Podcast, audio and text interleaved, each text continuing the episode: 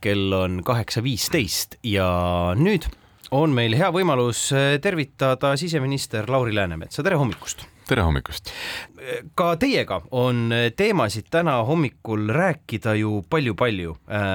kõik, millega on seotud valitsus, alates õpetajate streigist, sotsiaaldemokraatide nii-öelda suurenemisest, teie populaarsuse tõusust, aga ka nii-öelda siis sellest, mida on endised politseijuhid öelnud meedias, kui lõpuks selleni, et mis toimub Tartu Ülikoolis teadlastega ja, ja teaduritega, et võta, võta või nii, et äh, millest alustada? no mina hakkaksin pihta ikkagi sellest, et äh, kuidas Elmar Vaher siis äh, siin teises raadiojaamas rääkis sellest, mida tuleks ja mida peaks tegema selleks, et Eesti oleks turvalisemalt oleks turvalisem ja, ja politseinikud ei põleks läbi, saaksid ausalt palka ja võib-olla tuleks, oleksid ise ka õnnelikumad.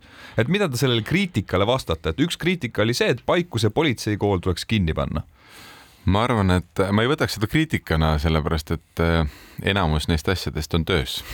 et võib-olla Elmar Vaher, olles nüüd äh, teiste asjadega seotud praegu siin, äh, ei teadnud lihtsalt seda, et et me oleme jõudnud vahepealse ajaga, kui ta ära on olnud suurem osa nendest mõtetest teostada, ehk siis mis puudutab politsei väljaõpet, tõesti vastab tõele, et meil on olnud selline situatsioon eelmisel aastal, kus kohas me suudame välja koolitada vähem inimesi, kui neid lahkub politseist, mis tähendab, et ei ole võimalik rohkem asemele võtta, see koolitus on selline pudelikael. ja selle aasta eelarvet tehes, eh, siis eelmise aasta augustis, oli minu prioriteet, eh, kui varem, aasta enne olid palgad, siis nüüd oli politsei väljaõpe. see tähendab seda, et politsei väljaõppe mahtu me kahekordistame sellel aastal ja järgmine aasta on see kahekordistamine tasemeni nii-öelda saavutatud, noh, ta vajab õppejõude kõike, nat-, võtab natuke aega. ja teine asi, et seda oleks võimalik teha maailma parimalt maailma parimates tingimustes, siis äh, tõesti Sisekaitseakadeemias need vanad ühiselamud lammutatakse, sinna asemele ehitatakse uued, ka uued õpperuumid ja ühel hetkel, kui see valmis on, ta võtab nüüd äh, kolm-neli aastat, siis äh, Paikuselt kolib see politseikool Tallinnasse ära ja Väike-Maarjasse on autodroom ja mingi taktikalinnak ja sellised asjad tulevad siis välja, väljaõppekeskusena Väike-Maarjasse, mis peamiselt saab olema päästjate väljaõppekoht, aga ka politsei eriüksused ja kõik teised. Ehk et head äh, sõbrad, ajakirjanikud Postimehest, Delfist, ERR-ist ja mujalt, nüüd me saame siis pealkirja Paikuse politseikool pannakse kinni ei ole mõtet sellist pealkirja panna, et pigem tuleb öelda, et Väike-Maarjas, mis on ka Eesti, Eesti maapiirkond, tuleb Euroopa üks kaasaegsemaid väljaõppekeskuseid, et sellise pealkirja võiks panna.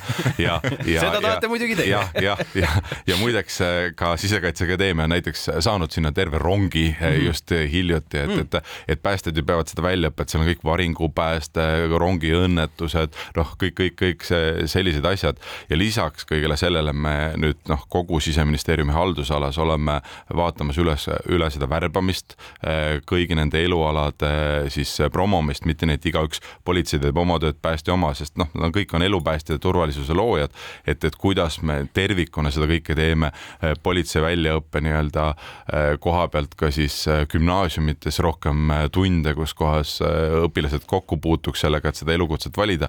Ja muideks siiamaani on abipolitseinikud üks suurem või tähendab nüüd kujunenud abipolitseinikud üheks suuremaks selliseks ukseks, äh, kustkohast politseinikuks äh, tullakse. ja abipolitseinike süsteem on ka seda, mida me reformime, et, et nad saaks paremini spetsialiseeruda, tööd teha ja see arvatavasti suurendab tulevikus ka politseinike arvu ehm, PPA-st on nii-öelda positiivselt äh, ja positiivses võtmes räägitud viimased nädal aega tänu äh, Ukraina presidendi Zelenski visiidile. kuidas äh, teie hindate seda politseioperatsiooni? Teate, ma olen väga tänulik kõigile neile politseiametnikele, abipolitseinikele ja, ja ka kaitseväelastele, kes selle operatsiooni läbi viisid, et äh, mina hindan ka, äh, nii nagu äh, kaitsepolitseinikud loomulikult ka, et, et see oli väga suur ja väga ulatuslik. ega inimesed võib-olla ei kujutagi ette, on ju, et, et kõik, kõik versioonid, mis, mis on alates nagu noh, kõik need inimesed, kes tegelevad mürgitustega ja kõiksugu ainetega, on ju, lõpetades siis pommikoerte Kivimäärte ja, ja, ja demineerijate kõigi nendega, et noh, kõik inimesed olid kaasatud sellesse operatsiooni, väga ulatuslik ja väga professionaalselt läbi viidud. et, et piltlikult öeldes nii-öelda Novitšoki stsenaarium tuli läbi mängida?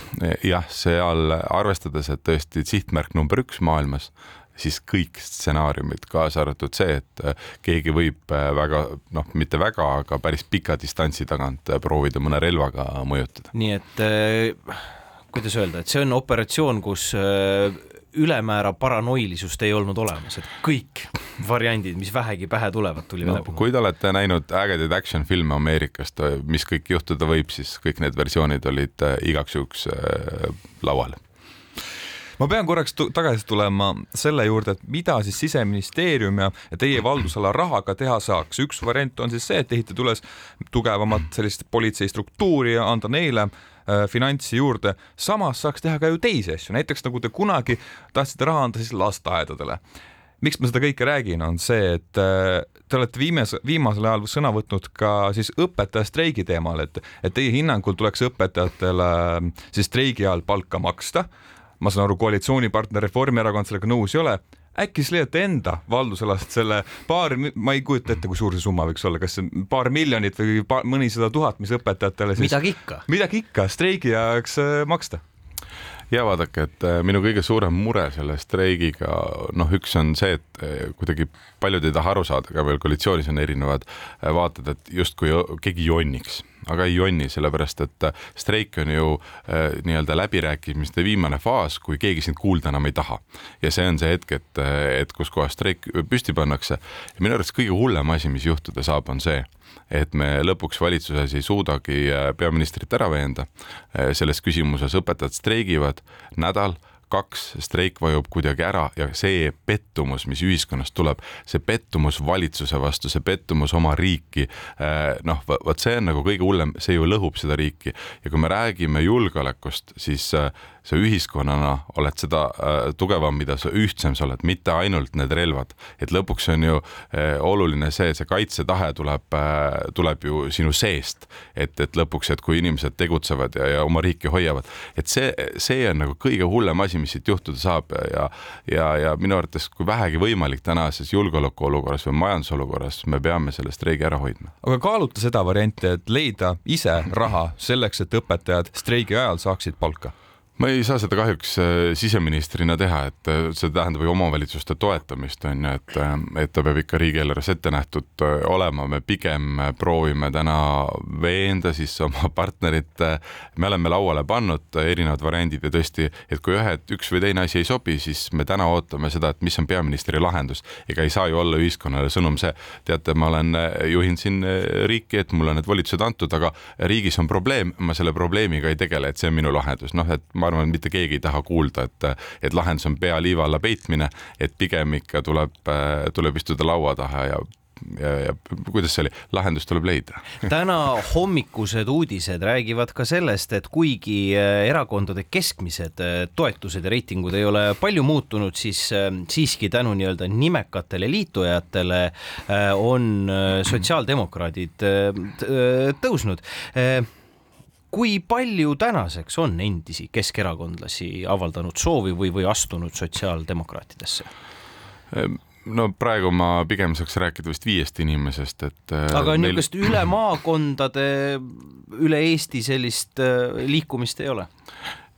Andke inimestele aega, et kardetavasti on ikka juhtumas see, et, et see muutus toimub, ta toimub kuude jooksul või poole aasta jooksul või, või niimoodi on ju, et ühtemoodi valijate peades toimub see muutus sest, sest sotsiaaldemokraadid asendavad lihtsalt nüüd Keskerakonna selle rolli, Keskerakond muutub väikeseks tegijaks, sotsiaaldemokraadid on ainukene selline põhine jõud seal vasaktsentristlikul skaalal paremerakondade vastu ja ma arvan, et see, see muudab äh, paljude inimeste peades seda nägemust Eesti poliitikast. Aga kui palju nii-öelda seda suhtumist ikkagi on võib-olla vanemates äh, liikmetes just, et Keskerakonna omades, sest sotsid, need on ju punased ja keegi võib eh, niimoodi veel vanadest aegadest arvata, selle peale ma ütlen alati niimoodi, et, et sõbrad, et need terminid, mida ma vaatan e, EKRE vennad kasutavad eh, ja väidavad, et sotsid on punased. noh, mina olen kuulnud neist sellisest Nõukogude aja filmidest, et ma saan aru, et keegi on parteikooli kuskil läbinud. mina olen Eesti aja poiss, onju, mulle ei saa seda ette heita keegi.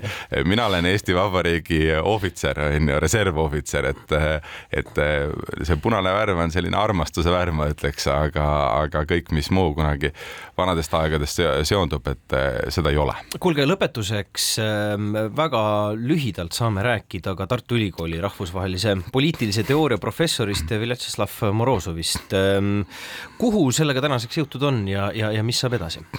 eks uurimine käib ja menetlus võtab tegelikult aega, et, et küsimus on selles, et kui palju ta ise räägib, kui palju ta koostööd teeb, et sellest sõltub ka kõige selle kiirus, aga, aga see näide et, et võib igal elualal ja ei pea alati olema riigisaladusega seotud, sest loogika on selles, et noh, me ei tea, mis on meie eh, vaenlaste või vastaste või konkurentide eh, siis nii-öelda teadmine Eestist. Neil võib olla nii, et neil on kõik muu informatsioon olemas ja üks lünk on puudu ja see lünk ei pruugi riigisaladus olla, vaid see tuleb hankida nii-öelda avalikult teiste inimeste käest ja kui sa selle detaili pusletüki saad, siis on nii-öelda Eesti vastaseks tegevuseks terve, terve terve nagu lõik olemas. ehk et luure ülesanne on nii-öelda moodustada pilti, pildi moodustamine tähendab informatsiooni informatsiooni tuleb hankida nii-öelda pilt, piltlikult siis eh, igalt poolt ja ükskõik milliselt elualalt. jah, täpselt nii ja see on nüüd äh, näide, et Venemaa tegutseb. üks on see, et kasutatakse inimesi ära, et informatsiooni hankida, teine on see, et kasutatakse ka inimesi ära, et, et Eesti ühiskonda ju mõjutada, kas mingites, ma ei tea, alates sotsiaalmeediagruppidest või võtame selle erakond koos on ju tegelikult, et kes sellist Eesti vastast poliitika osa hakkasid tegema, et igal pool peab valvas olema ütlesite, et oluline on see, kuidas härra Moro-, Morozov ise siis koostööd teeb kui sagedasti teile mm, antakse ülevaadet sellest, kaugel see protsess äh, on?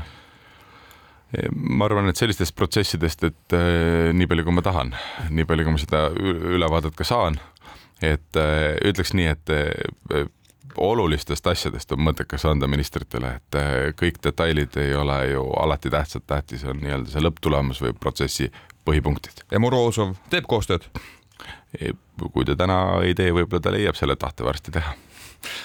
aitäh, siseminister Lauri Läänemets meile stuudiosse tulemast ja kena päeva teilegi! aitäh!